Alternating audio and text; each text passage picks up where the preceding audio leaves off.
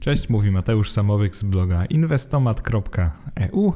Dzisiaj pogadamy sobie o inwestowaniu, o oszczędzaniu i o poduszce finansowej. Pewnie większość z Was wie, co to jest poduszka finansowa. Z jakiegoś powodu jest ona bardzo popularnym tworem w polskiej blogosferze. Tak naprawdę chyba każdy popularny bloger kiedyś wspominał o poduszce finansowej. Z jakiegoś powodu ja o niej tak dużo nie mówię.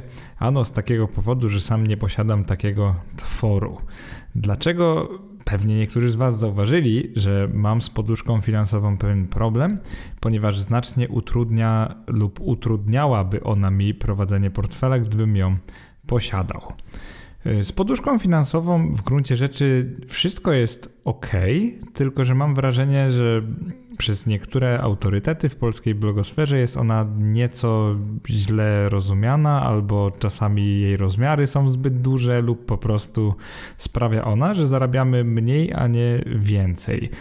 I oczywiście trafiają do mnie argumenty emocjonalne, że to są takie środki na boku, które mają być ultra bezpieczne, dostępne w każdej chwili itd., tak itd. Tak Natomiast problematyczna dość jest jej konstrukcja, y, parametry oraz sposób budowy, który tak naprawdę czasami blokuje człowieka w, w tym rozpoczęciu inwestowania. Zaraz Wam wyjaśnię o co chodzi. E, ten podcast nazywa się Cała Prawda o Poduszce Finansowej, czyli jak ułatwić sobie inwestowanie i będziemy tutaj mówić o tym, dla kogo poduszka finansowa w ogóle jest, kto powinien ją prowadzić, a kto nie oraz jakie są alternatywy. Czyli tak spróbujcie, jeżeli oczywiście prowadzicie poduszki finansowe, jeżeli posiadacie je i są dla Was takim no, mentalnym motywatorem do oszczędzania, to oczywiście wybaczcie mi, jeżeli wchodzę na taki grunt, który jest może jakiś delikatny i uważacie, że są one bardzo potrzebne. Natomiast prośba do Was, żebyście otworzyli umysł na tę, no pewnie poniżej godziny trochę się wyrobimy, żebyście otworzyli trochę umysł na ten podcast, bo absolutnie nie mam tu zamiaru nikogo krytykować. Tu nie chodzi o krytykę, tylko jakbyście otworzyli umysł na moje pomysły, mm, przysłuchali się temu, co mówię i zrozumieli, dlaczego jestem taki sceptyczny co do tej poduszki, dlaczego ja sam prowadzę jeden portfel i dlaczego nie wydzielam w nim żadnych mentalnych kieszonek, części itd., tak itd. Tak Czyli w jaki sposób on mi ułatwia życie i jak to jest możliwe, że ja prowadzę portfel bez takiej poduszki, a i tak w dowolnym momencie, jeżeli bym potrzebował moich środków, to bardzo szybko mogę do nich sięgnąć. Oczywiście nie chcę tego robić, ale jeżeli by nastała taka potrzeba, to będę mógł to zrobić. Zacznijmy od teorii, czyli tego, czym jest poduszka finansowa. Poza byciem takim właśnie motywatorem dla osób, które dopiero zaczynają oszczędzać, czyli początkujących inwestorów, jest ona rodzajem takiego mentalnego sejfu, w którym zawsze znajduje się taka bezpieczna część pieniędzy inwestora. Powiedziałem pieniędzy nie bez powodu, ponieważ jednym z głównych założeń poduszki finansowej jest ta łatwość wymiany na gotówkę, by w razie czego móc szybko i bezproblemowo wypłacić swoje środki. I z tego co zauważyłem, niektórzy komentujący na moim blogu uważają ją niemal za świętość, czyli upewniają się, że w dowolnym momencie swojego ich życia będzie na niej ulokowana równowartość np. 3, często 6, a nawet 12-miesięcznych wypłat. Podstawowe założenia poduszki finansowej są następujące. Powinna ona być łatwo dostępna, więc płynna. Po prostu chodzi o to, żeby prosto i szybko móc ją spieniężyć i mieć te środki pod ręką. Drugie założenie jest takie, że powinna ona gwarantować przeżycie od 3 do 12 miesięcy życia, według uznania. Oczywiście można mieć nawet taką poduszkę, która wystarczy na e, kilka lat. I to na, mam na myśli wyżywienie i utrzymanie nie tylko ciebie, ale też całej twojej rodziny. Osoby bardziej roztropne wybierają 6 do 12 miesięcy, podczas gdy osoby powiedzmy mniej roztropne albo takie nie martwiące się tak o przyszłość e, mają na przykład w tej poduszce finansowej jakieś 1 do 3 miesięcznych wydatków swojego gospodarstwa domowego. Poduszkę finansową często się mierzy we wpływach z pracy, a nie w wydatkach, ale to jest tak naprawdę różnie. Na różnych blogach i różni komentujący różnie prowadzą taką poduszkę. Niemniej jej wartość zwykle zawiera się gdzieś w przedziale od 10 do 50, może 60 tysięcy złotych. Mm, poduszka finansowa powinna być ulokowana w możliwie bezpiecznych aktywach, do których tak przynajmniej teoria tak głosi, że należą rachunek bieżący, często nieoprocentowany, yy, lub depozyt bankowy, lub lokata bankowa, albo ewentualnie jakieś krótkoterminowe, na przykład trzymiesięczne polskie obligacje skarbowe, czyli takie najprostsze, najniżej oprocentowane yy, instrumenty finansowe, ale wiadomo, żeby było jak najmniej ryzyka. I teraz jakbym chciał przedstawić sposób, w jaki większość inwestorów prowadzi swoje poduszki finansowe, to jest to coś w rodzaju, że mają oni osobny portfel na przykład akcyjny, mają też część obligacyjną tego portfela, ale poza tym portfelem mają poduszkę finansową. I teraz ta poduszka finansowa, wiecie, jak taka poduszeczka, kojarzy się z tą miękkością, z tym bezpieczeństwem, z tym, że jest na każde zawołanie, że po prostu jest przy nas. E, pytanie, czy jest potrzebna jako osobny element portfela. Zwłaszcza, że inwestor w tym swoim portfelu, nazwijmy go długoterminowym, ma część akcyjną i obligacyjną zazwyczaj.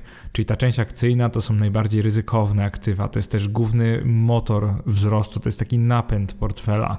Coś, co sprawia, że w dobrych czasach na giełdzie portfel będzie rósł szybciej, wartość portfela będzie rosła szybciej.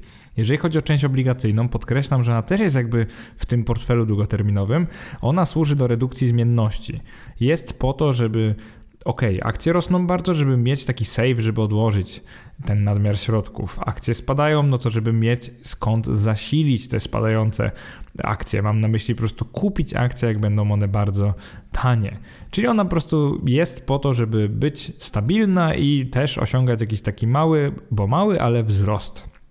Przy czym ciekawi mnie bardzo to, że mimo tego, że większość inwestorów posiada część obligacyjną w tym głównym portfelu, to i tak posiadają oni poduszki finansowe. E, gdy myślę o tej koncepcji poduszki finansowej, to właśnie mam taki dysonans i pierwsze pytanie, które mam do Was, to to, dlaczego ta poduszka nie znajduje się na przykład w ramach części obligacyjnej? No bo skoro w części obligacyjnej mamy też obligacje skarbowe, bo większość z Was podejrzewam, że ma, to dlaczego ta poduszka finansowa jest jakimś wydzielonym tworem obok? Dlaczego ona nie może być jakby w ramach tego zwykłego portfela inwestycyjnego? E, pogadajmy trochę o tym, jakie aktywa znajdują się w tych częściach portfela. W części akcyjnej często mamy jakieś spekulacyjne akcje, możemy mieć akcje dywidendowe, takie bardziej fundamentalne, czyli takie, których kurs się nie zmienia i na przykład wypłacają one dywidendy. To są akcje dużych spółek, które są takie bardziej przewidywalne. Mamy tam ETF-y na akcje, czyli oczywiście różnorakie akcje. Jakie wybierzesz, takie masz. Możemy mieć też na przykład derywaty i inne mniej bezpieczne aktywa. Tu już nie wnikam, to mogą być kryptowaluty, e, może być to złoto, srebro, które też są bardzo zmienne. Tak naprawdę wszystko, co nie jest obligacjami, właśnie jest w tej części, ja nazywam agresywnej, akcyjnej, nazwij ją jak chcesz. E, część obligacyjna, no tu możemy mieć na przykład, ja mam głównie obligacje korporacyjne, one są bardziej ryzykowne, czyli tak nie za bardzo pasują na poduszkę finansową. Natomiast jeżeli szukasz czegoś dobrego na poduszkę finansową, to mogą być obligacje skarbowe, polskie i to jakiekolwiek tak naprawdę. Wszystkie te detaliczne spienięża się w ciągu 5 dni roboczych, więc mamy do nich względnie dobry dostęp. Później jeszcze wrócimy do tego spieniężania, bo tu będzie ciekawostka, że na przykład niektóre ryzykowne aktywa są bardziej płynne niż te polskie obligacje skarbowe, o czym mało kto pewnie wie. E, wracając do tematu, w części obligacyjnej możemy też mieć ETF-y na obligacje zagraniczne, oczywiście różnego typu. Mogą to być antyinflacyjne skarbówki, mogą to być skarbówki zwykłe, czyli te oprocentowane w jakiś tam sposób nominalny albo na przykład zależne od stóp procentowych w danym kraju. Mogą to być ETF-y na obligacje korporacyjne, oczywiście te zwykle są trochę bardziej ryzykowne. I na końcu mamy tą poduszkę finansową, której częścią może być przykład rachunek bankowy, czyli ROR, może być lokata lub depozyt, albo przykład obligacje krótkoterminowe. Często też osoby jako poduszkę finansową mają te obligacje skarbowe polskie, przykład 4 lub 10-letnie antyinflacyjne.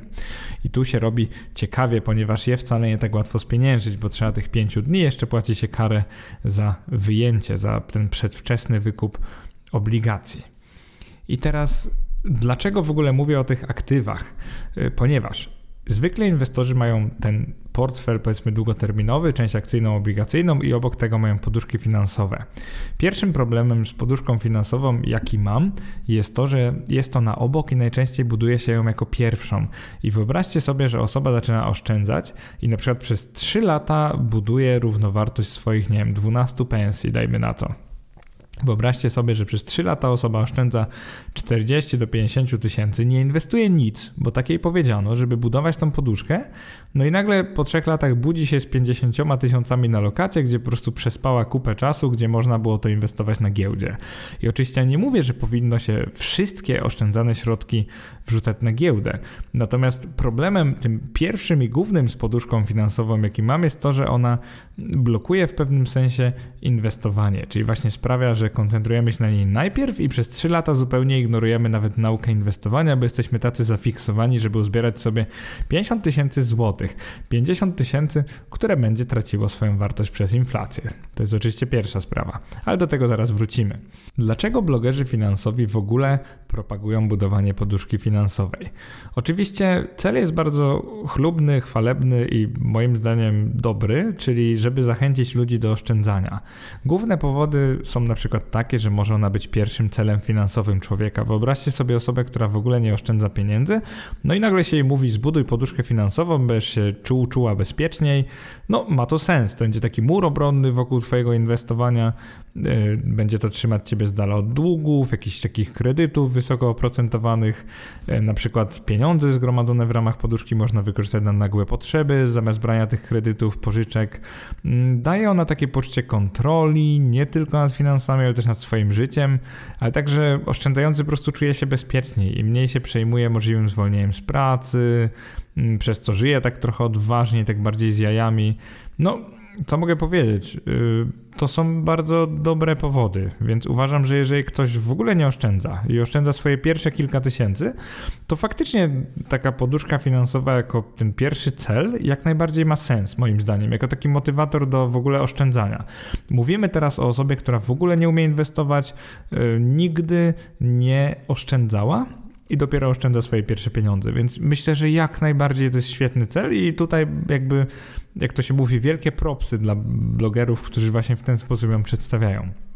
Kiedy zaczynają się problemy z poduszką? Wtedy, kiedy osoba już oszczędziła całkiem sporo, umie już inwestować, a dalej jest taka, no powiedzmy, zafiksowana na trzymanie tej poduszki finansowej. Zaraz o problemach pomówimy, ale zacznijmy od tego, będę teraz takim adwokatem diabła, dla kogo poduszka finansowa jest według mnie ok. Mm, ważne jest dla mnie to, żebyście wiedzieli, że nie neguję całkowicie istnienia tej instytucji poduszki finansowej. Chciałbym zauważyć, że są grupy osób, dla których ona będzie świetnie działała. Czyli właśnie te osoby, które oszczędzają swoje pierwsze 5-10 tysięcy złotych. No to argumentem za budowaniem poduszki jest to, że to jest taki psychiczny save, że to sprawia, że osoba nie wyjmuje tych środków, motywuje do oszczędzania i tak naprawdę, gdy taka osoba i tak nie umie inwestować, no to pewnie lepiej w tym okresie po prostu odkładać te pieniądze na jakichś bardzo bezpiecznych aktywach. I oczywiście jak ta osoba ma łącznie bardzo małe środki, to się nie aktywują największe wady poduszki finansowej, o których zaraz Tobie pomówię. E, druga kategoria osób, które myślę, że mogą mieć taką poduszkę, to są osoby, które prowadzą mały portfel inwestycyjny, powiedzmy, że on jest w całości wart około 10 tysięcy złotych, w którym 100% stanowią akcje. Czyli taka osoba odpala mój wpis czy podcast, w co zainwestować 10 tysięcy złotych i wybiera ten drugi, ten prosty portfel akcyjny, po prostu akcje całego świata, jeden ETF. No to poduszka finansowa dla takiej osoby pełni taką oczywistą rolę tej bezpiecznej, obligacyjnej części portfela. I tak naprawdę nie ma większego znaczenia, czy oszczędzający prowadzi ją odrębnie, czy wlicza w skład całego portfela. Chodzi o to, żeby osoba zupełnie początkująca poza akcjami miała w portfelu coś jeszcze, ponieważ świetnym argumentem za poduszką finansową jest to, że jeżeli ktoś ma na przykład same akcje, które wiadomo są bardzo zmienne, miewają różne lata, czasami rosną, czasami bardzo spadają ich ceny, no to to jest całkiem oczywiste, że początkujący nie powinien mieć w portfelu 100% akcji bez żadnego zaplecza finansowego. To by było zwyczajnie głupie i takie trochę lekkomyślne. Więc jeżeli masz mały portfel inwestycyjny i tam masz 100% akcji, no to zupełnie rozumiem, że gdzieś na boku odłożyłeś, odłożyłaś sobie od 5 do 10 tysięcy złotych, żeby mieć po prostu takie bezpieczne zaskórniaki. I to są te sytuacje, w których moim zdaniem poduszka świetnie się sprawdza i ma jak najbardziej sens. Ale teraz przejdźmy do sedna tego wpisu, czyli komu odradzam poduszkę finansową. Zauważyłem, że większość moich słuchaczy, słuchaczek, czytelników i czytelniczek to są osoby, które no myślę, że już mają jakieś kilkadziesiąt tysięcy złotych. Tak mi się przynajmniej wydaje z waszych maili, z waszych wiadomości, z komentarzy. Wynika coś z tego, że jesteście w takiej grupie, która już oszczędziła trochę pieniędzy. Najczęściej właśnie zaczęliście inwestować albo inwestujecie już parę lat. Oczywiście mam też no, korespondentów, nazwijmy, którzy mają o dużo więcej pieniędzy, e, często o wiele więcej niż ja. Natomiast gdzieś tam średnia myślę, że jest od 10 do 100 tysięcy złotych, jeżeli chodzi o wielkość portfela. I pomyślcie sobie teraz, że macie między 15 a 30 tysięcy złotych i w ramach tego macie już bezpieczną część obligacyjną, na przykład od 30 do 50% portfela. Poduszka finansowa jest według mnie zatem wbudowana w tę część obligacyjną i absolutnie nie widzę potrzeby, żebyście mieli jeszcze dokładać jakąś kolejną poduszkę finansową, która znajduje się poza tym portfelem inwestycyjnym. Czasami powstają takie potworki. Dam wam przykład, że osoba ma na przykład łącznie 100 tysięcy złotych, z czego no, ktoś jej wmówił, że musi mieć 60% poduszki finansowej na przykład na lokacie, która nie płaci nic i wyobraźcie sobie, że 60 ze 100 tysięcy jest na lokacie, a 40 jest, w, uwaga, uwaga, zróżnicowanym portfelu, czyli na przykład 50-50 akcje, obligacje. No i potworek, dlaczego nazywam to potworkiem? Bo osoba uzbierała 100 tysięcy złotych i trzyma tylko 20 tysięcy w akcjach, ponieważ ktoś powiedział, że musi mieć na lokacie 50 tysięcy, w obligacjach na przykład skarbowych ma kolejne 20 yy, i w akcjach ma 20. Chyba powiedziałem, że w obligacjach 50, chodziło mi oczywiście o 60, tak jak mówiłem, 60 tysięcy poduszki finansowej. I to sprawia, że taka osoba ma ultra bezpieczny portfel, w którym 80% jest mało zmienne, ale nic nie zarabia i tak naprawdę przegrywa z inflacją, a 20% to są akcje. Y, no, taki portfel to jest bardziej karykatura portfela niż, nie wiem, coś, co w długim terminie ma sens. E, wiecie, jakie mam podejście właśnie do inwestowania pasywnego. Akurat chodzi o to, żeby dokładać, żeby ten portfel mógł zarobić w czasie hossy. Hossa trwa większość czasu, czasami będą bezsy, czasami on mocno wtedy straci, no ale jednak osoby no, do pewnego wieku powinny mieć większość akcji w swoim portfelu. Jest to zupełnie normalne. Kolejna kategoria osób, dla których zdecydowanie odradzam poduszkę finansową, to są osoby, które prowadzą portfel średniej i dużej wielkości. Teraz co to znaczy? E, to oznacza, że taka osoba ma jakieś 200, 300, 500 tysięcy lub milion złotych gdzieś około. Oczywiście i więcej, wszystko ponadto też. I jeżeli taka osoba ma część obligacyjną wynoszącą przynajmniej 20% składu portfela, no to to oznacza, że już ma jakby poduszkę finansową, bo pewnie kilkadziesiąt tysięcy złotych ma w obligacjach skarbowych.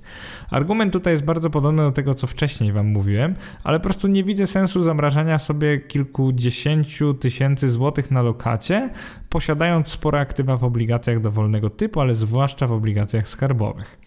Więc moim zdaniem reguła jest taka: jeżeli posiadasz równowartość swojej poduszki finansowej, czyli niezależnie czy sobie mentalnie ustaliłaś, czy ustaliłeś, że to ma być 10 czy 50 tysięcy złotych, czy coś pomiędzy, jeżeli posiadasz to w bezpiecznej części portfela, czyli tej obligacyjnej zazwyczaj, no to możesz śmiało zrezygnować z wyodrębniania jej i trzymania jej mentalnie oraz fizycznie poza tymże portfelem, czyli jako coś obok.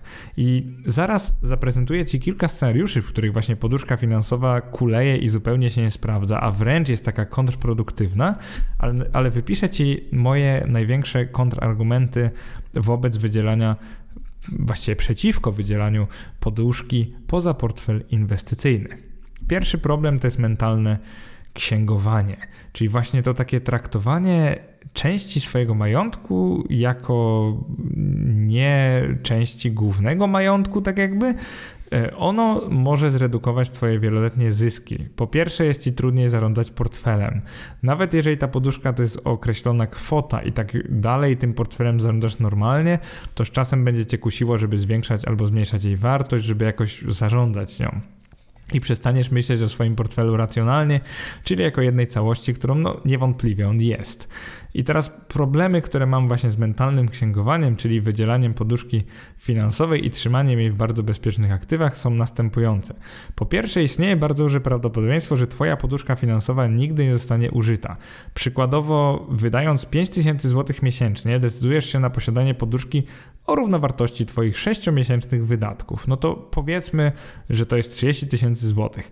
Jak często zdarza Ci się w życiu, że spontanicznie kupujesz coś za 30 tysięcy złotych? Oczywiście są osoby, które czasami kupiły coś spontanicznie na taką kwotę lub po prostu martwią się na przykład swoje lub swoich bliskich zdrowie i chcą mieć coś na super płynnych aktywach. No to tutaj pamiętajcie, że akcje i obligacje również są płynne. Może nie gwarantują, nie gwarantują zachowania wartości w każdej chwili, więc oczywiście lokaty tutaj znacznie wygrywają z, na przykład z akcjami, Natomiast, no jak często macie spontaniczny wydatek rzędu tych kilkudziesięciu tysięcy złotych? To jest pierwszy kontrargument. E, drugi jest taki, że główne kryterium, by można było coś nazwać poduszką finansową, to jest możliwość prostej i szybkiej wymiany aktywa na pieniądze. I na przykład, jeżeli masz poduszkę finansową w obligacjach skarbowych detalicznych, to pewnie nawet nie wiesz, że potrzebujesz na jej wyjęcie 5 dni roboczych, czyli więcej niż na wyjęcie środków z akcji albo z ETF-ów na rachunku maklerskim, bo tu to jest często 2 do 3 dni roboczych. Więc okazuje się, że akcje i obligacje takie notowane na giełdzie, czyli też ETF-y, są bardziej płynne niż detaliczne obligacje skarbu państwa. Mam na myśli polskiego państwa. To jest ciekawostka, której możecie nie wiedzieć na przykład. Kolejna sprawa. Zamrażanie sobie 6 do 12 miesięcznej pensji lub wysokości wydatków oznacza w przypadku większości gospodarstw domowych zamrożenie jakichś 30 do 60 tysięcy złotych na lokatach, zanim nawet zaczniecie inwestować. To trochę tak jakbyście oszczędzali miesiącami lub latami, na przykład kilka lat, a potem patrzyli, jak e, wasze oszczędności podgryza inflacja. I teraz związane z powyższym jest to, że w długim terminie stopa zwrotu dowolnego portfela akcji obligacje po prostu zniszczy kompletnie, przebije kompletnie stopę zwrotu yy, lokat. I tak naprawdę ci z was, którzy teraz pomyślą, zaraz, zaraz Mateusz, ty nie rozumiesz. Poduszka finansowa ma być bezpieczna i ona nie ma mieć stopy zwrotu, ona po prostu ma sobie leżeć, chcemy mieć te pieniądze w takim sejfie. I to wszystko jest ok, gdyby nie to, że często też posiadacie obligacje obok tego, czyli macie już taki safe, który można łatwo spieniężyć i który nominalnie nie straci, ale ktoś kiedyś wam powiedział, że musicie mieć też na lokacie jakieś tam kwoty. I teraz jaki mam problem z osobą, która nie ma żadnych oszczędności, przez na przykład 4 lata oszczędza tylko po to, żeby uzbierać sobie poduszkę finansową. Problem mam taki, że, bo tu często pada argument, Mateusz, ale zrozum, ja muszę mieć te 60 tysięcy na lokacie, muszę mieć w takich super bezpiecznych aktywach. Problem jest taki, że w momencie jak zaczynasz zbierać tę poduszkę, to i tak nie masz ani grosza. No to jest prawda czy nie? Więc przez te x miesięcy, często kilkadziesiąt, i tak nie będziesz miał, nie będziesz miała równowartości tych na przykład 60 tysięcy złotych. Więc jaki to jest argument, że musisz od razu uzbierać 60 tysięcy, jeżeli w tej drodze do tych 60 tysięcy i takich nie masz? Czyli tak jakby co za różnica, czy od początku 1000 przeznaczasz miesięcznie na lokatę, czy na przykład 1000 przeznaczasz na akcje, a 1000 na obligacje lub na lokatę. Mam na myśli, co za różnica, czy od początku tak naprawdę nie będziesz kupować jakiegoś ETF-a na akcje, lub y, masz kupować same lokaty. Po prostu chodzi mi o to, że no nie ma specjalnej różnicy. Ok, będziesz trochę dłużej zbierać te 60 tysięcy na lokatach, natomiast jakby w dłuższym terminie dużo lepiej ci wyjdzie, jeżeli częściowo będziesz kupować za ten jakiś ETF na akcję, a częściowo na przykład będziesz to przeznaczać na lokatę. Więc to, co chcę powiedzieć, to to, że ludzie czasami nie patrzą w przód i tak jakby nie widzą tego, że zaraz, zaraz. I tak teraz nie masz tych środków, czyli podejmujesz to ryzyko jakiejś choroby czy nagłych wydatków. Więc fajnie, że to ci daje cel do oszczędzania, natomiast takie lokowanie tego właśnie tylko na lokacie przez jakieś długie miesiące i czekanie z inwestowaniem to jest po prostu błąd. I to powie ci pewnie każdy, kto kiedyś inwestował. I te cztery wady, cztery problemy powodują, że no, proponuje zamiast mainstreamowej poduszki finansowej, czyli tej odrębnej, wcielenie jej do zwykłego, do głównego portfela inwestycyjnego. Czyli tak jak ja robię. Czyli spójrzcie na cały portfel, on pewnie ma część taką mniej bezpieczną, ma część bardziej bezpieczną. Po prostu ulokujcie tą poduszkę wewnątrz części na przykład obligacyjnej, tej bezpiecznej po prostu, jeżeli macie obligacje skarbowe w części obligacyjnej, niezależnie od formy, to nazwijcie sobie tą poduszkę finansową, właśnie gdzieś tam taki label dodajcie pewnej części obligacyjnej, tej mniejszej cząstce waszej części bezpiecznej portfela. Bo tak naprawdę, co za różnica, czy ona jest w części bezpiecznej portfela, czy ona jest osobną poduszką finansową? No, tak naprawdę nie ma wielkiej różnicy. I teraz tak, jeżeli o mnie chodzi, to ja nie posiadam poduszki, natomiast posiadam jakby część akcyjną, obligacyjną. Ja nawet ich tak nie rozróżniam, ale mój portfel ma takie części. Więc awaryjna wypłata z mojego portfela, powiedzmy, że potrzebuję nagle 50 tysięcy złotych to ja w dowolnej chwili decyduję, z której części ona może pochodzić, czyli mogę wręcz zrobić rebalancing tym. Dajmy na to akcje, tak jak ostatnio, bardzo szybko rosną. Mamy taką wręcz trochę bańkę e, na rynkach akcji. No może jeszcze nie taką maksymalną jak, jak kiedyś, ale no oczywiście akcje są jakby obiektywnie drogie, więc się domyślacie pewnie, że moja część akcyjna jest na dużym plusie. No to co mogę zrobić? Mogę sobie odciąć na przykład 50 tysięcy z tej części akcyjnej i wydać na coś, co chcę, czyli jakby te pieniądze nie muszą pochodzić z poduszki finansowej z lokaty, tylko to inwestor wybiera, czy użyje właśnie pieniędzy z obligacji, czy z akcji. No i dla przykładu, mam bardzo drogą część akcyjną, więc mogę sobie zrobić taki rebalancing, odcinając ileś 10 tysięcy, na przykład 15 tysięcy złotych na remont kuchni. Więc moją poduszką finansową, uwaga, uwaga, były teraz bardzo mało bezpieczne akcje, ponieważ chciałem odkroić ich część. Jesteśmy na przykład w środku kryzysu, czyli zupełnie odmienna sytuacja jest głębsza korekta na rynkach akcji. Cena do zysku Ameryki wynosi 14, Polski wynosi 8. Ogólnie akcje są bardzo tanie. Stopa dywidendy wielu akcji to jest 8% rocznie, więc i tak miałem sprzedać obligacje i kupić przecenione akcje. Może to nie jest najlepszy moment na wydatki, ale powiedzmy, że muszę naprawić moje auto i potrzebuję 10 tysięcy złotych na jego naprawę. No to co robię? Skoro obligacje są jakby zbyt dużą częścią portfela, to właśnie sprzedaję obligacje. Nie chcę się pozbywać akcji, bo są za tanie. No i tymczasowo używam moich obligacji jako poduszki finansowej, czyli po prostu wypłacam z tego środku, środki. I teraz co jest ważne, to, to to, że proporcje portfela mogą być zachowywane na przykład 60-40 akcje, obligacje, to naprawdę nic nie stoi na przeszkodzie, żebyśmy jako poduszki użyli trochę akcji, trochę obligacji. E, przykładowo. Więc to, co chcę powiedzieć, to fajna rzecz w nieposiadaniu poduszki finansowej jest to, że ona może być w danym momencie w dowolnej części Twojego portfela inwestycyjnego. I teraz powiedzmy, że jesteś taką osobą, że jednak lubisz mieć na rachunku trochę pieniędzy. I mam dla ciebie teraz taki wariant, że pomyśl sobie, że likwidujesz poduszkę finansową, natomiast na, na roże trzymasz jakieś tam środki, powiedzmy 10 tysięcy złotych i nazwij to jak chcesz, to może być poduszka, to może być twój ROR. Po prostu w dowolnej chwili posiadasz 10 tysięcy, żeby jakby co móc przeżyć na przykład 2 czy 3 miesiące, w zależności od twoich wydatków. Natomiast całą resztę ładujesz część akcyjną i obligacyjną, bo przecież jesteś świadomy lub świadoma, że bez problemu możesz spieniężyć te środki, no wyjąć, wiadomo jak jest kryzys, to jest gorszy moment, no ale to z obligacji możesz odciąć, no i wyjąć i na coś tam spożytkować w ciągu kilku dni. I teraz... Yy, Główna część tego podcastu będzie o przykładach złych poduszek finansowych. Pierwszą z nich będzie poduszka blokująca inwestowanie. I teraz o co tu chodzi? To jest to, co mówiłem wcześniej, czyli ta osoba, która wcześniej nie oszczędzała w ogóle, dopiero co zaczyna odkładać pieniądze. I wyobraźcie sobie, że ustala, że docelowa poduszka finansowa, na przykład trzymania na lokacie, ma wynosić równowartość jej 12-miesięcznych wydatków, czyli to jest 36 tysięcy złotych. Jako, że jest w stanie oszczędzić maksimum 1000 złotych miesięcznie, to takiej osobie zajmuje to 3 lata. I w tym czasie nie inwestuje, ani nie uczy się inwestować, no bo po co uczyć się inwestować, bo nie uskładała docelowej poduszki finansowej. I wyobraźcie sobie, że taka osoba 3 lata odkłada co miesiąc tysiąc na lokatę, nie uczy się w ogóle inwestować, nie wie nic o inwestowaniu, no po trzech latach uskładała 36 tysięcy złotych, brawo, ale one są warte już o wiele mniej niż docelowo miały być warte przez inflację. To to jest pierwszy przykład złej poduszki finansowej. Drugi przykład to poduszka nieprzynosząca zwrotu. Jesteśmy w erze zerowych stóp procentowych, nawet najlepsze lokaty przynoszą jakieś 0,5% zwrotu rocznie. Inwestor posiada aktywa o wartości np. 150 tysięcy złotych, no ale tak sobie ustanowił, ustalił lub ustaliła, że 40 tysięcy musi stanowić poduszka finansowa, na przykład w formie lokaty bankowej, a 110 tysięcy zróżnicowany portfel akcji i obligacji.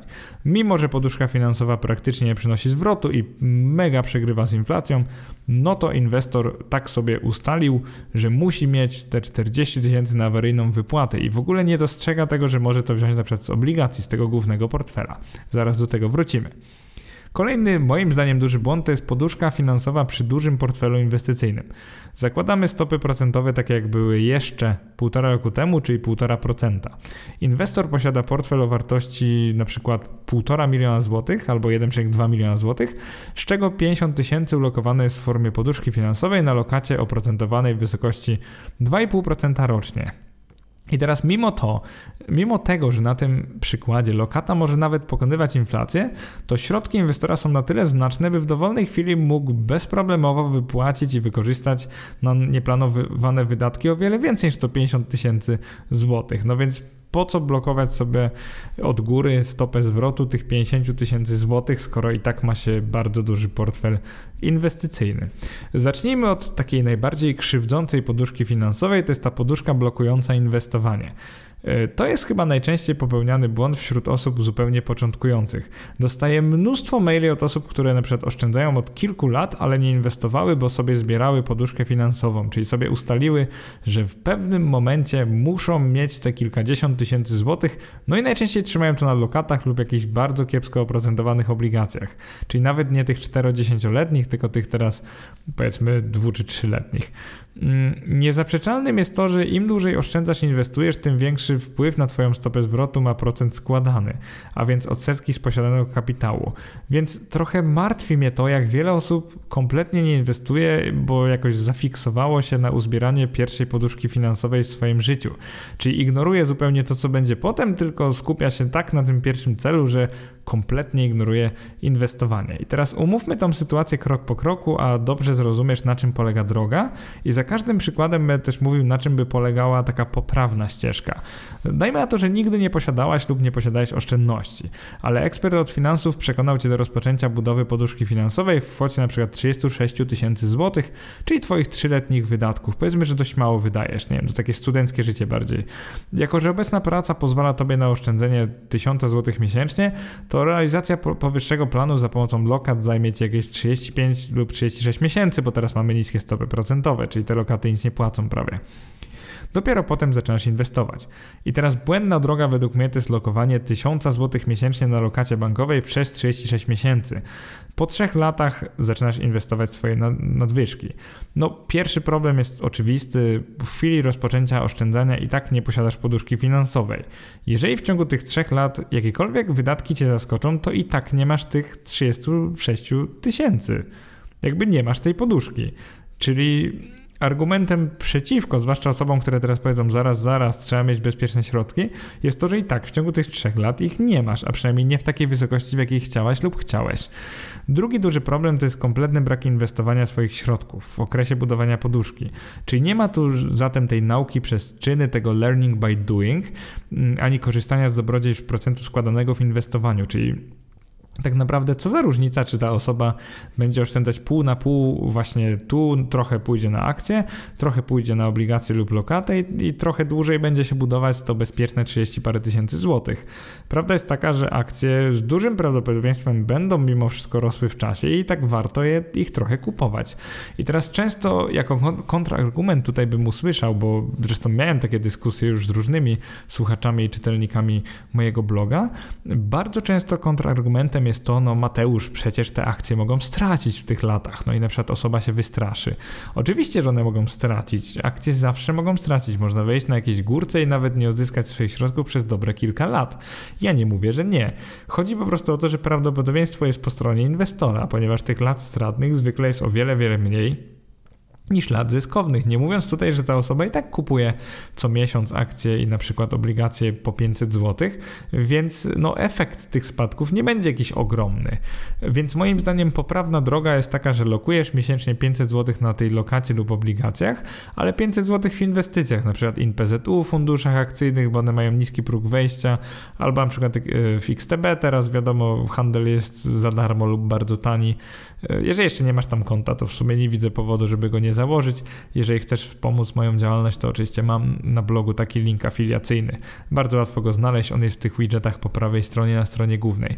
Więc jeżeli nie masz takiego konta, to śmiało załóż FixTB. E, ono naprawdę jest bardzo ok, tylko pamiętaj o tym, o tej prowizji za przewalutowanie wynoszącej 0,5%, więc dobrze jest mieć konto walutowe, na przykład w dolarze i przelewać już dolar do XTB, ponieważ tam można prowadzić też konta walutowe i wtedy unikniesz tej prowizji. Ale wracając do tematu. E, Alternatywa alternatywnie możesz co drugi miesiąc lokować na przykład 1000 zł w ETF-ie notowanym na GPW, a co, co ten drugi miesiąc yy, na przykład na lokacie. Więc jakby Da się to zrobić lepiej, da się zarówno oszczędzać na tą poduszkę i inwestować, i moim zdaniem to jest poprawna droga. Przede wszystkim powinno się unikać takiej poduszki, która blokuje inwestowanie. To jest bardzo kontrproduktywne i powiem szczerze, że bardzo wielu inwestorów to robi, niestety. Drugim problemem jest poduszka nieprzynosząca zwrotu, czyli posiadanie tych wielu tysięcy złotych, dajmy na to 40 tysięcy w tym przypadku, w na przykład lokatach bankowych. No to w tym przypadku zdecydowanie warto jest tą poduszkę finansową ulokować na przykład w obligacjach 4 lub 10-letnich i po prostu zaakceptować to, że jeżeli będziecie jej potrzebować nagle, no bo zauważcie, że i tak nie wiecie, kiedy ona będzie potrzebna, być może nigdy. Więc jeżeli będziecie jej nagle potrzebować, to bez problemu musi, możecie zapłacić tą karę. Ona i tak jest do wysokości obligacji obligacji i wypłacić je sobie przedwcześnie. E, mam na myśli do wysokości kuponów z obligacji, o to mi chodziło. Więc zakładając jakąś dynamikę inflacji CPI utrzymującą się około 2% albo powyżej, no to obligacje antyinflacyjne te 4-10-latki i tak zapewnią Ci średnią stopę zwrotu 1,5 lub 2%, nawet jak je skasujesz po 2 czy 3 latach. E, pozwól, że opiszę Ci tą sytuację drugą, problematyczną. E, przypominam, że osoba ma 150 tysięcy złotych, z tego 40 stanowi jakaś lokata, właśnie to jest ta poduszka finansowa. Ona przynosi mniej niż 1% stopy zwrotu brutto rocznie. I teraz błędna droga jest taka, że na przykład posiadasz 110 tysięcy złotych w portfelu akcyjnym i obligacyjnym i dajmy na to na całym portfelu masz 40% akcji, 33% obligacji i 27% poduszki w formie lokaty. Mój problem z powyższym jest taki, że ten portfel długoterminowo jest skazany na porażkę. Posiadasz ponad 50, w zasadzie posiadasz 60% w aktywach o nikłym potencjale wzrostu i tak naprawdę dublujesz część bezpieczną portfela w jakiejś poduszce, bo kiedyś ktoś ci powiedział, że musisz mieć 40 tysięcy odłożone obok. Czyli sobie mentalnie księgujesz, to tak, tak trochę wymusza takie dziwne proporcje, takie trochę pokraczne proporcje tego portfela, izolujesz sobie to 40 tysięcy, siedzisz na tym jak Sknerus McQuatch w skarbcu, natomiast te pieniądze nie pracują praktycznie. Poprawna droga, podkreślam, w erze niskich stóp procentowych jest taka, że likwidujesz, likwidujesz lokatę i mentalnie przynosisz poduszkę wewnątrz Twojego portfela inwestycyjnego. Na przykład lokujesz 100 tysięcy w akcjach, 50 w obligacjach skarbowych. Te proporcje Ci pasują, w razie czego spokojnie dysponujesz środkami na jakiekolwiek potrzeby bieżące i możesz sprzedać albo akcje, albo obligacje, więc Twoja poduszka jest jakby ukryta w portfelu inwestycyjnym. Trzecią problematyczną sytuacją, którą chciałem omówić w tym podcaście, to jest ta poduszka przy dużym portfelu inwestycyjnym. Wyobraź sobie, że kiedyś zaczynałaś, zaczynałeś inwestować, mając jakieś naprawdę drobne. Przez parę miesięcy czy lat zbierałeś, zbierałaś 50 tysięcy złotych. Następnie przez wiele, wiele lat oszczędzasz, inwestujesz i budujesz w pewnym momencie taki ogromny portfel inwestycyjny. Dajmy na to masz jakieś 1,2 miliona. To jest już duży portfel w mojej nomenklaturze. No i kontynuujesz inwestowanie, pozwalając sobie dalej na te 50 tysięcy na nieoprocentowanym rachunku, no bo od zawsze go miałaś lub miałeś. Nie przydaje ci się on w ogóle ogóle i masz już ogromny portfel. No i mój problem z tym jest taki, że to jest zupełnie nielogiczne, że skoro posiadasz wysokie aktywa w akcjach i obligacjach, no i podkreślam, że masz te obligacje i dajmy na to skarbowe, warte są one w tej chwili te na przykład milion przecinek 15, no to 50 tysięcy na rachunku bieżącym przed niczym cię już nie uratuje, jeżeli rozumiesz o co mi chodzi. Poprawną drogą jest po prostu do, dodanie tych na przykład 40 z 50 tysięcy dodajesz do portfela, zostawiasz sobie na roże te 10 tysięcy, no bo czujesz, że potrzebujesz jakieś tam drobne mieć e, na jakieś wydatki, natomiast y, te 40 tysięcy wracają do portfela i rozsmarowujesz je między akcje i obligacje. 10 tysięcy na rachunku może Ci wystarczyć, oczywiście może to być 20 w zależności od Twoich tam potrzeb. Natomiast to, o co mi chodzi, to to, że no, jak masz ponad milion, no to wydzielanie sobie od 50 do 100 tysięcy na lokatę to jest po prostu no to jest po prostu błąd. No, w każdym momencie będą aktywa lepsze od tego. Teraz to są te obligacje antyinflacyjne, po prostu no, obiektywnie są lepsze. No, to, że lokaty pokonają je w ciągu kolejnych dwóch lat, pamiętaj, że ja to nagrywam e, na początku roku 2021 no to szansa to jest po prostu marginalna, no jest, jest praktycznie żadna. I w tym wszystkim nie, nie chodzi mi o nomenklaturę, bo właśnie główne moje dwa problemy z poduszką są takie, że no, w debacie często się pojawia słowo poduszka finansowa, no bo kojarzy się z ciepłem, z bezpieczeństwem, z przytulnością.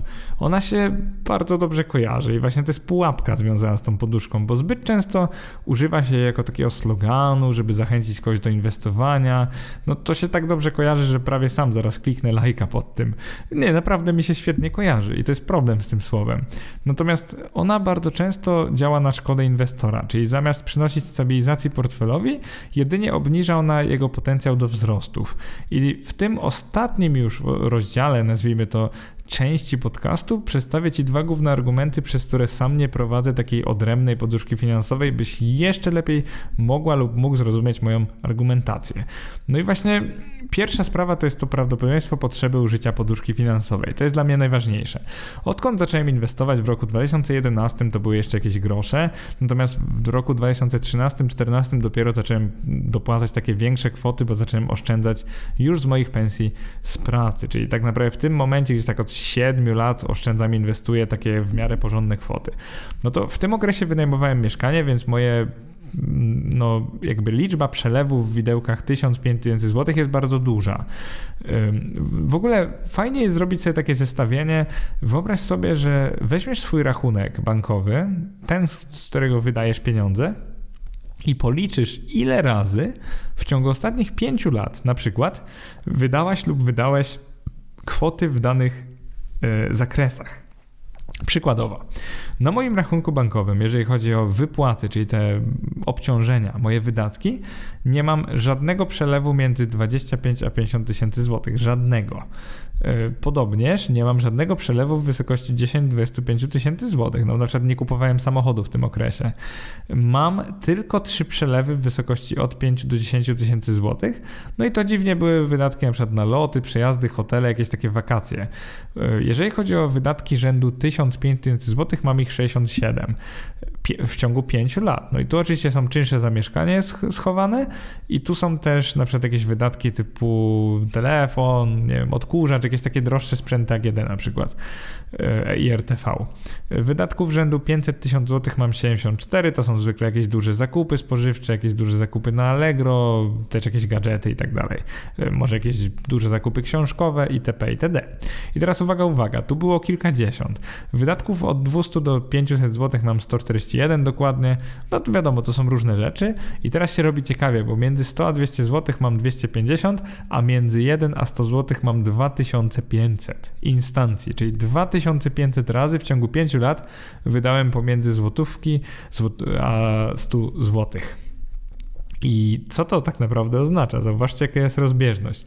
To oznacza, że jestem osobą, która bardzo często wydaje małe kwoty i coraz rzadziej wydaje duże kwoty. I to pewnie jest ważne dla każdego z Was. Ale co jest istotne, to to, że zauważcie, że nigdy nie potrzebowałem kwot powyżej 10 tysięcy złotych. Oczywiście na moje szczęście, ale oznacza to tyle, że ja nie potrzebuję mieć na rachunku bankowym więcej niż 10 tysięcy złotych, bo po prostu nie przydarzają mi się takie nagłe wydatki. A nawet jakby się przydarzyły, no to dwa dni i po prostu sprzedaję jakiś ETF na obligacje i zaraz mam te środki. Mam nadzieję, że ten argument do ciebie trafił. Druga sprawa to jest porównanie płynności różnych aktywów. No i teraz będzie bardzo ciekawie, bo Wiem, że część z Was trzyma w ramach poduszki finansowej obligacje skarbowe te detaliczne, które kupuje się na PKO obligacje, albo na przykład na IKE lub Super IKE. I teraz to, co chcę powiedzieć, to to, że na spieniężenie obligacji skarbowych detalicznych potrzebujesz 5 dni roboczych. I jeszcze masz takie ograniczenie, że to musi być 7 dni kalendarzowych po zakupie obligacji i nie później niż 20 dni kalendarzowych przed ich planowanym wykupem. I tu jest duże ograniczenie, no bo wyobraź sobie, że potrzebujesz tych pieniędzy z poduszki na zaraz, myślisz, że możesz je mieć zaraz, a tak naprawdę potrzebujesz 5 dni roboczych. I tak taka mała ironia losu jest taka, że akcje i obligacje te rynkowe, te z konta maklerskiego możesz spieniężyć szybciej niż obligacje skarbowe detaliczne. No, czyli te właśnie, które się kupuje w tym panelu PKO obligacje, bo w ciągu dwóch albo trzech dni, w zależności od maklera, czasami tak naprawdę maklerzy nawet szybciej te środki nam jakby przelewają. I co jest teraz bardzo istotne? Przypomnę Wam, że poduszka miała dwa główne kryteria. Miała być łatwo i szybko dostępna oraz wystarczająca na nasze wydatki. No to moje wydatki nie przekraczają 10 tysięcy, więc jeżeli prowadzę sobie portfel o tej określonej kwocie, tak jak Wam ostatnio nagrałem, między 500 tysięcy a 2 miliony złotych, nie będę dokładnie mówił, bo jaki to miało sens, ale po prostu chodzi mi o to, że mam pewien portfel inwestycyjny, no to skoro nie potrzebuję nigdy więcej niż 10 tysięcy złotych, no to po co mam prowadzić poduszkę na przykład w wysokości 50 tysięcy? No i drugi argument, jeżeli to ma być płynne, no to no oczywiście lokata i rachunek bieżący są bardzo płynne, bo możesz natychmiast zerwać, wypłacić środki. Właściwie rachunek znaczy, że już masz wypłacone, możesz komuś przelać. Natomiast akcje, obligacje ETF-y to są dwa dni robocze, a te bezpieczne obligacje skarbowe to jest na przykład 5 dni roboczych. No to to, co chcę powiedzieć, to to, że często ETF-y, które wydają się nam ryzykowne i niepasujące do poduszki, lepiej spełniają kryterium płynności niż obligacje skarbowe, te detaliczne. No, mam nadzieję, że ten podcast był dla Ciebie przydatny, że wytłumaczył trochę moje podejście o poduszki finansowej i mam nadzieję, że trochę otworzył Twój umysł, ponieważ nie jest dla mnie ważne, żebyście ze mną zgadzali, bo nie o to chodzi. Tak naprawdę ja bardzo lubię debatę, dyskurs yy, i bardzo chętnie sobie podyskutuję w komentarzach pod tym wpisem, bo wiem, że wiele osób się ze mną nie zgodzi i tak naprawdę nie nagrywam tego, żeby być kontrowersyjnym, bo naprawdę nie lubię robić jakichś sztucznych afer. Po prostu chodzi mi o to, że dla wielu z Was może to być duże uproszczenie waszych portfeli, a jeżeli możecie sobie uprościć życie oraz inwestowanie, to dlaczego by nie? Także mam nadzieję, że nieco pomogło ci to w tym myśleniu o poduszce finansowej i że teraz samemu świadomie zdecydujesz, czy warto mieć to jako odrębną część, czy wewnątrz głównego portfela inwestycyjnego. Bardzo dziękuję za przesłuchanie tego podcastu do końca i co? Do następnego razu. Trzymaj się, cześć.